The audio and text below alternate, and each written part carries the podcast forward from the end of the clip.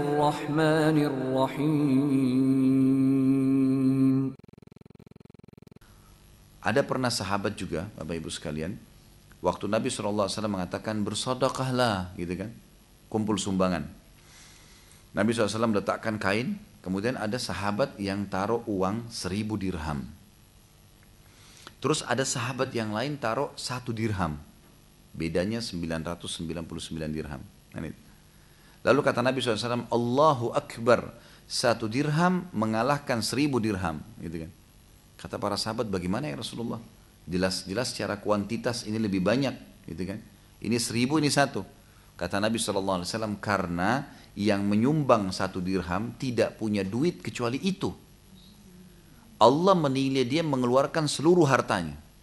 Sementara orang yang menyumbang seribu dirham punya jutaan dirham. Tidak ada nilainya buat dia itu. Sama dengan orang punya misalnya 20 miliar. Dia kalau nyumbang 10 juta, nggak ada nilainya. Tapi kalau ada orang miskin, dia nyumbang sejuta, tidak punya kecuali itu, tetap lebih besar di sisi Allah SWT. Karena Allah nilai, dia menyumbang semuanya. Itu maksudnya makna ketakwaan. Jadi bagaimana ketulusan seseorang kepada Allah taala. Jadi kita harus tahu masalah ini.